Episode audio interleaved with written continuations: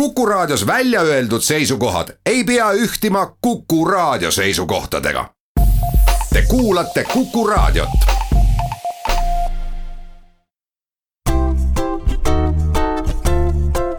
patsiendiminutid, Patsiendiminutid toob teieni Eesti Patsientide Liit.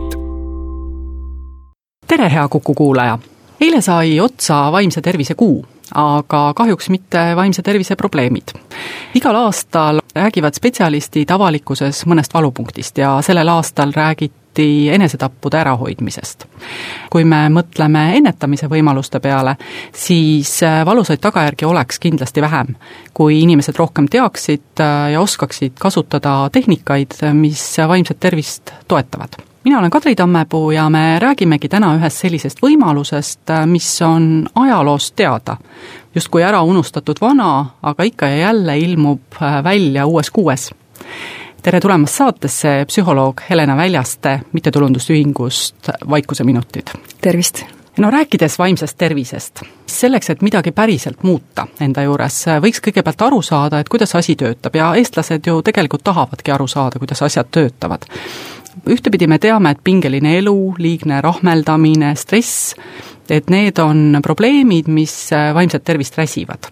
paljud inimesed justkui teavad seda ka, aga samas äh, ikkagi pingeid ei osata maha võtta, kas see on tõesti see, et seda ei osata teha või on lihtsalt raske märgata, et kui pinged kerivad, kuhjuvad ja lõpuks on häda käes ma arvan, et mõlemat, et üks ongi see, et ongi raske märgata, kui me pidevalt äh, rändame oma tähelepanuga mööda minevikku ja tulevikku ja oleme küllaltki vähe selles praeguses hetkes, siis me ei märka iseennast ja seda, mis meiega toimub. ja teisalt on ka oskuste puudus, ma näen, inimesed äh, ei tea väga paljusid äh, lihtsaid asju. no näiteks seda, et meil kõigil on umbes kuuskümmend kuni kaheksakümmend tuhat mõtet päevas peas, ja nad tulevad ja nad lähevad ja et meil on võimalik ennast neist lahti haakida. no tead, kui mõnikord niimoodi hakkab mingi teema hästi niimoodi peas ketrama ja ketrama ja ketrama, et tegelikult on võimalik lahti lasta jah, ja ka emotsioonid, neid on üle kolmesaja, mida me võime kogeda, nad tulevad, nad lähevad, need ei ole meie ise. me saame neid vaadelda, me saame neid juhtida.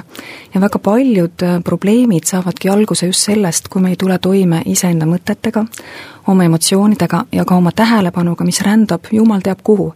ja me ei oska seda ise suunata sinna, kuhu vaja.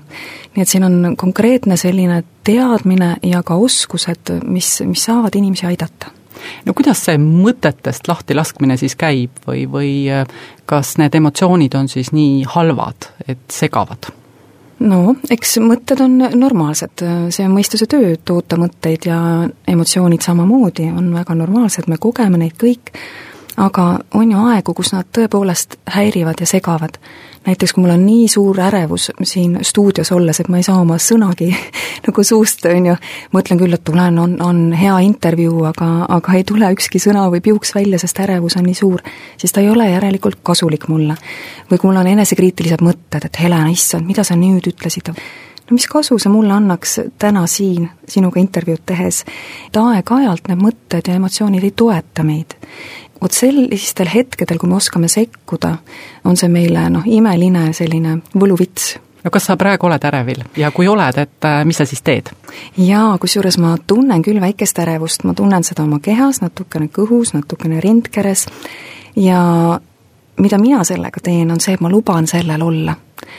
Äh, ma mäletan, kui ma olin veel ülikoolis, äh, ma õppisin psühholoogiat Tallinna Ülikoolis.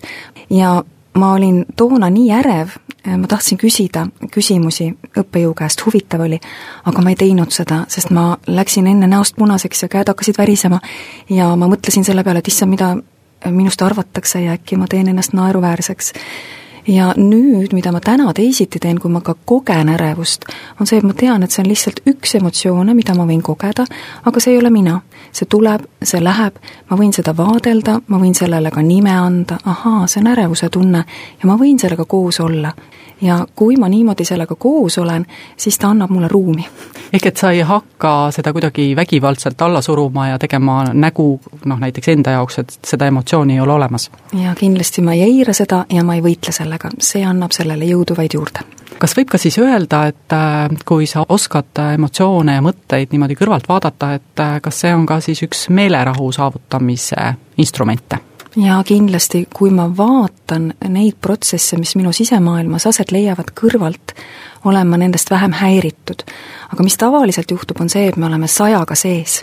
me mõtleme nii, et me ei saa aru isegi, et me mõtleme. Me isegi ei tea, et me mõtleme, see on täiesti automaatne.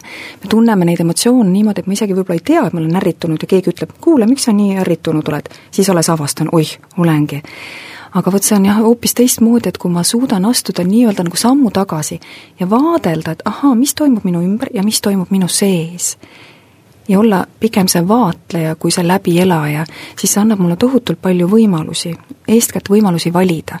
et millised on need mõtted, mis mind toetavad, millised ei toeta, millised on need emotsioonid, millega ma pean tegelema või võib-olla ka midagi nii-öelda käivitama endas, mis mind toetab parasjagu tundub, et äh, sina oled, Helena, õppinud ennast juhtima, kas seda õpetati ülikoolis või ähm, leidsid sa selle, selle tee ikkagi pärast kooli? Ülikoolis kahjuks ei õpetatud nii praktilisi asju, seal oli enamjaolt kõik teoreetiline. aga mulle räägiti seal mindfulnessist ja sellest, kuidas see lööb laineid maailmas, leiab praegu äh, teaduskinnitusi, kui tõhus see on, ja mind hakkas asi huvitama ja ma avastasin enda jaoks täiesti uue praktilise maailma, kus ma päriselt õppisin iseennast juhtima.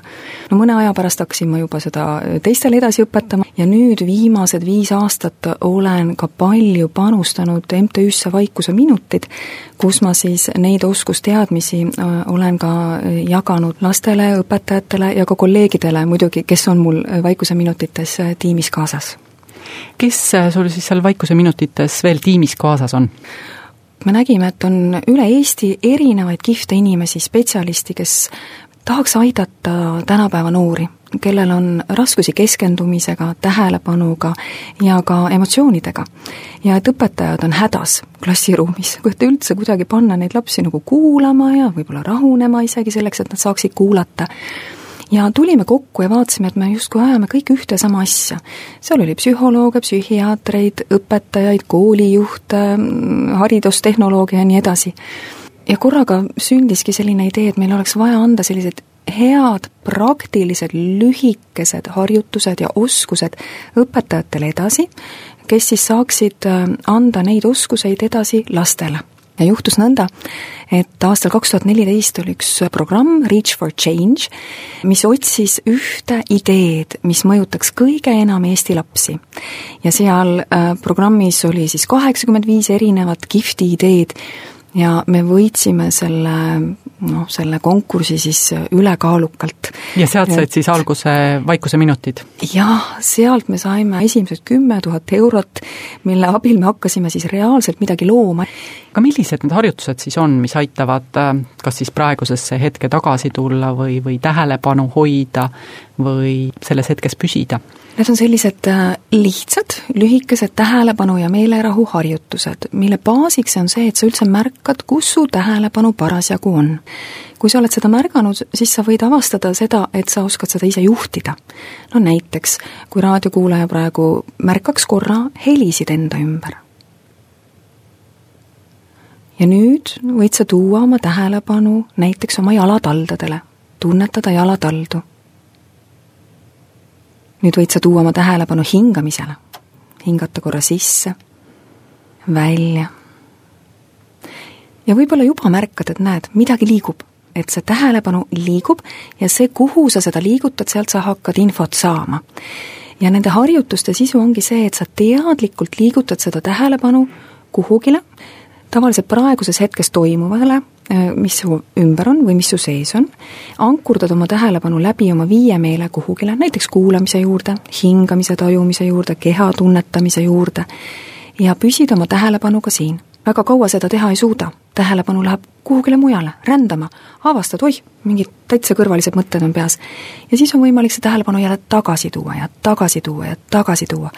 ja vot selline tähelepanu tagasitoomine harjutuse käigus ongi seesama tegevus, mis ähm, treenib tähelepanu lihast. et me suudaksime olla üldse tähelepanelikumad, rohkem siin ja praegu, rohkem iseennast juhtivamad ja kui ma meenutan, eelmises saates käis meil akadeemik Jüri Allik. Rääkisime küll, tõsi, geeniinfost, aga ta tõi ka mingil hetkel välja teadusuuringud, mis räägivad, et kui keskendumisoskust või, või ka tahtejõudu inimestes on puudu, siis nad elavad lihtsalt vähem kui need inimesed, kes teevad targemaid valikuid ja ja mõtlevad võib-olla oma elu natuke paremini läbi. absoluutselt, no mõtle ise, millal sina oled efektiivne efektiivne oled sa siis, kui sa oled täiega kohal, mitte siis, kui sa teed kümmet asja paralleelselt ja unustad midagi veel seal ära vahepeal. aga, aga lisaks sellele, et me oleme efektiivsed, kui me oleme kohal ehk tähelepanelikud, äh, me salvestame mällu paremini õpitut ja lisaks on Harvardi ülikooli teadlased teinud ka selgeks selle, et siis me oleme ka kõige õnnelikumad, kui me oleme kohal, siin ja praegu väga hea, meie läheme siit nüüd väikesele makstud teadete reklaamipausile, aga teie, kallid kuulajad, saate siis nii kaua teha mõned tähelepanuharjutused, võib siis alustada sellest, et jälgige oma hingamist. patsiendiminutid. patsiendiminutid toob teieni Eesti Patsientide Liit stuudios on psühholoog Helena Väljaste ja Kadri Tammepuu. me räägime täna meelerahu saavutamisest harjutamise abil. ja ma usun, et äh, saitegi reklaamipausi ajal veidikene meelerahu püüda, mina, kui ma selliseid harjutusi teen, siis ma hakkan selgemalt nägema hmm,. mis sa silmas pead?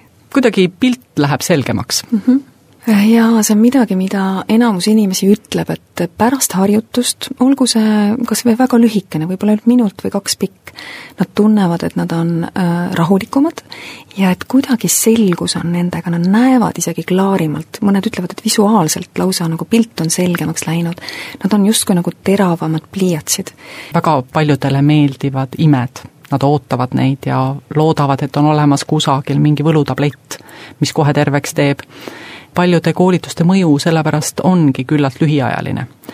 kuidas see vaikuseminutite programm on üles ehitatud, kas siin kestab kuidagi see koolituse mõju kauem ja kas need lapsed ka päriselt muutuvad? no me oleme just äh, seda silmas pidades ka oma kursused loonud. baaskursus õpetajale ja lapsevanemale koosneb kahest koolituspäevast.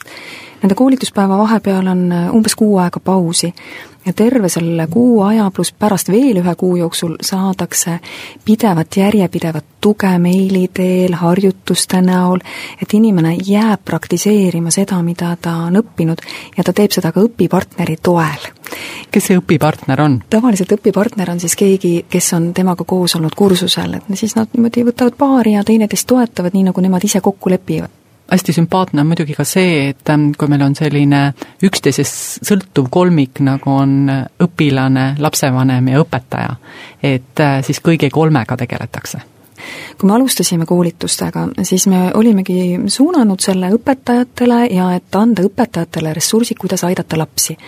ja tavaliselt ütlesid õpetajad koolituspäeva lõpus, et appi, ma tulin siia laste pärast, aga ma sain midagi väga palju iseendale ja lapsevanemad ütlevad sedasama. Tuleme teaduse juurde, mindfulness on päris vana praktikate kogum, läänes hakkas ta laineid lööma umbes nelikümmend aastat tagasi, kuidas teie oma koolitusprogrammide tulemusi hindate, kas need on pelgalt lihtsalt loete kokku, kui palju on teil koolituse läbinuid, võtate nende tagasiside või te kuidagimoodi teete ka teadust selles osas, et disainite uuringugrupid ja, ja vaatate, et need, kes siis on käinud koolitusel ja need, kes ei ole, et kas need inimesed ka omavahel kuidagi erinevad jaa, me võtame tagasisidet oma koolitustele, ühtlasi mm, on palju teadustöid, mis on tehtud bakalaureuse ja magistri tasemel ja praegu just on käimas üks väga suur, Eesti suurim mõju-uuring mindfulnessi tüüpi harjutuste vallas koostöös siis Tartu Ülikooliga. praegu on natuke vara veel rääkida tulemustest. millal tulemustest saab rääkida? kaks tuhat kakskümmend ahah, ma natuke urgitsen, et äh, kuidas need esimesed ähm, tulemused või, või esimesed ähm, tagasisided on olnud? pilootprojekt äh, näitas küll, et äh, oleme ajamas õiget asja ja õigel moel. see viitas ka selgelt noorte väsimuse ja uneprobleemide vähenemisele programmis osalemise tulemusena. kui tihti õpetajad puutuvad sellega kokku, et et õpilased ei taha selles programmis osaleda, kas sellepärast, et neile endale ei meeldi või äh, ütlevad lapsevanemad, et millegipärast nad oma lastel sellistes äh, eksperimentides ei luba osaleda? no lõviosa sellest, mida täna vaikuseminutitega tehakse koolides, on see, et õpetajad kasutavad neid harjutusi näiteks tunni alguses, et häälestada õpilased õppetööle, et aidata neil välja tulla oma mõtete, emotsioonide virvarrist, kasutatakse ka lasteaias näiteks hommikuringis või enne magama minekut või ühelt tegevuselt teisele minekul. Ja need on sellised äh, kaks-kolm minutit, äh, mis siis äh, pühendatakse ja seal tavaliselt tullakse küll kaasa, et no mõni on natukene nagu selline skeptiline alguses, aga ähm, õpetajad on öelnud seda, et et kui aeg läheb edasi, kui nad saavad kogeda, et neil on vabatahtlikkus teha neid harjutusi kaasa, siis mõne aja pärast nad nagu liituvad. ja murelikke lapsevanemaid meil väga palju olnud ei ole, mõned üksikud juhtumid ja mis siis sellest lapsest saab, ta lihtsalt istub klassis ja vaatab? jaa, see on kindlasti üks äh, sõnum, mida me alati edasi anname, et see ei saa olla sunniviisiline, et nüüd sa pead seda harjutust tegema, see on võimalus. ka kliinilises psühholoogias erinevate haigusnähtudega inimeste puhul aeg-ajalt taolist eneseregulatsiooni proovitakse. kuivõrd levinud see Eestis on? Mindfulnessi on siis kasutatud väga palju valupatsientide puhul, depressiooni ja ärevuse häirete puhul, tähelepanuhäire puhul, käitumishäirete puhul. Eestis kasutatakse mindfulness tüüpi harjutusi küll mitte väga laialdaselt veel, et on kliinilisi psühholooge, kes seda kasutavad oma töös ja üha enam näen seda, et, et erinevad ettevõtted tellivad sisekoolitusi endale ja, ja soovivad hoida oma töötajate vaimset vormi kuidas see ettevõtjate tagasiside on, nemad ju loevad raha ja nemad tahavad näha ka tulemust, kas nad saavad seda tulemust näha? no hea tulemuse saavad nad siis, kui nendel on tööl inimesed, kes teevad head tööd, kes on selleks heas vaimses vormis. ja vot siin on küll üks äh, raskuskoht, mida ma adun, et äh, tööandjad on mures oma töötajate pärast, et see vaimne vorm ei ole täna võib-olla kõige parem ja ka kõige paremini toetatud ja nad näevad, et teadvelolek võib olla midagi sellist, mis annab väga praktilised vahendid iseenda vaimse tervise hoidmiseks. kas te olete vaikuse minutites mõelnud ka, et kuhu te välja jõuda tahate ja millest te täna unistate? no meie visioon on see, et me jõuame iga Eesti lapseni selleks, et meie lapsed saaksid olla õnnelikumad, rahulikumad, iseennast äh, teostavamad me oleme jõudnud juba kahesaja haridusasutuseni, umbes kolme tuhande õpetajani, nende kaudu umbes neljakümne viie tuhande õpilaseni. aga neid koole ja haridusasutusi on üle tuhande, kuhu me võime jõuda eks igaüks peab äh, maailma lõpuks ikkagi iseenda jaoks lahti mõtlema ja, ja läbi tunnetama, aga selleks mõnikord on vaja suunajaid, õpetajaid ja selleks ma soovin Vaikuse minutitele edu ja jõudu, aitäh! suur tänu sulle! stuudios olid äh, psühholoog Helena Väljaste ja Kadri Tammepuu. me täname ka kõiki kuulajaid, kuulmiseni taas järgmisel nädalal ja seniks olgem terved! patsiendiminutid patsiendiminutid toob teieni Eesti Patsientide Liit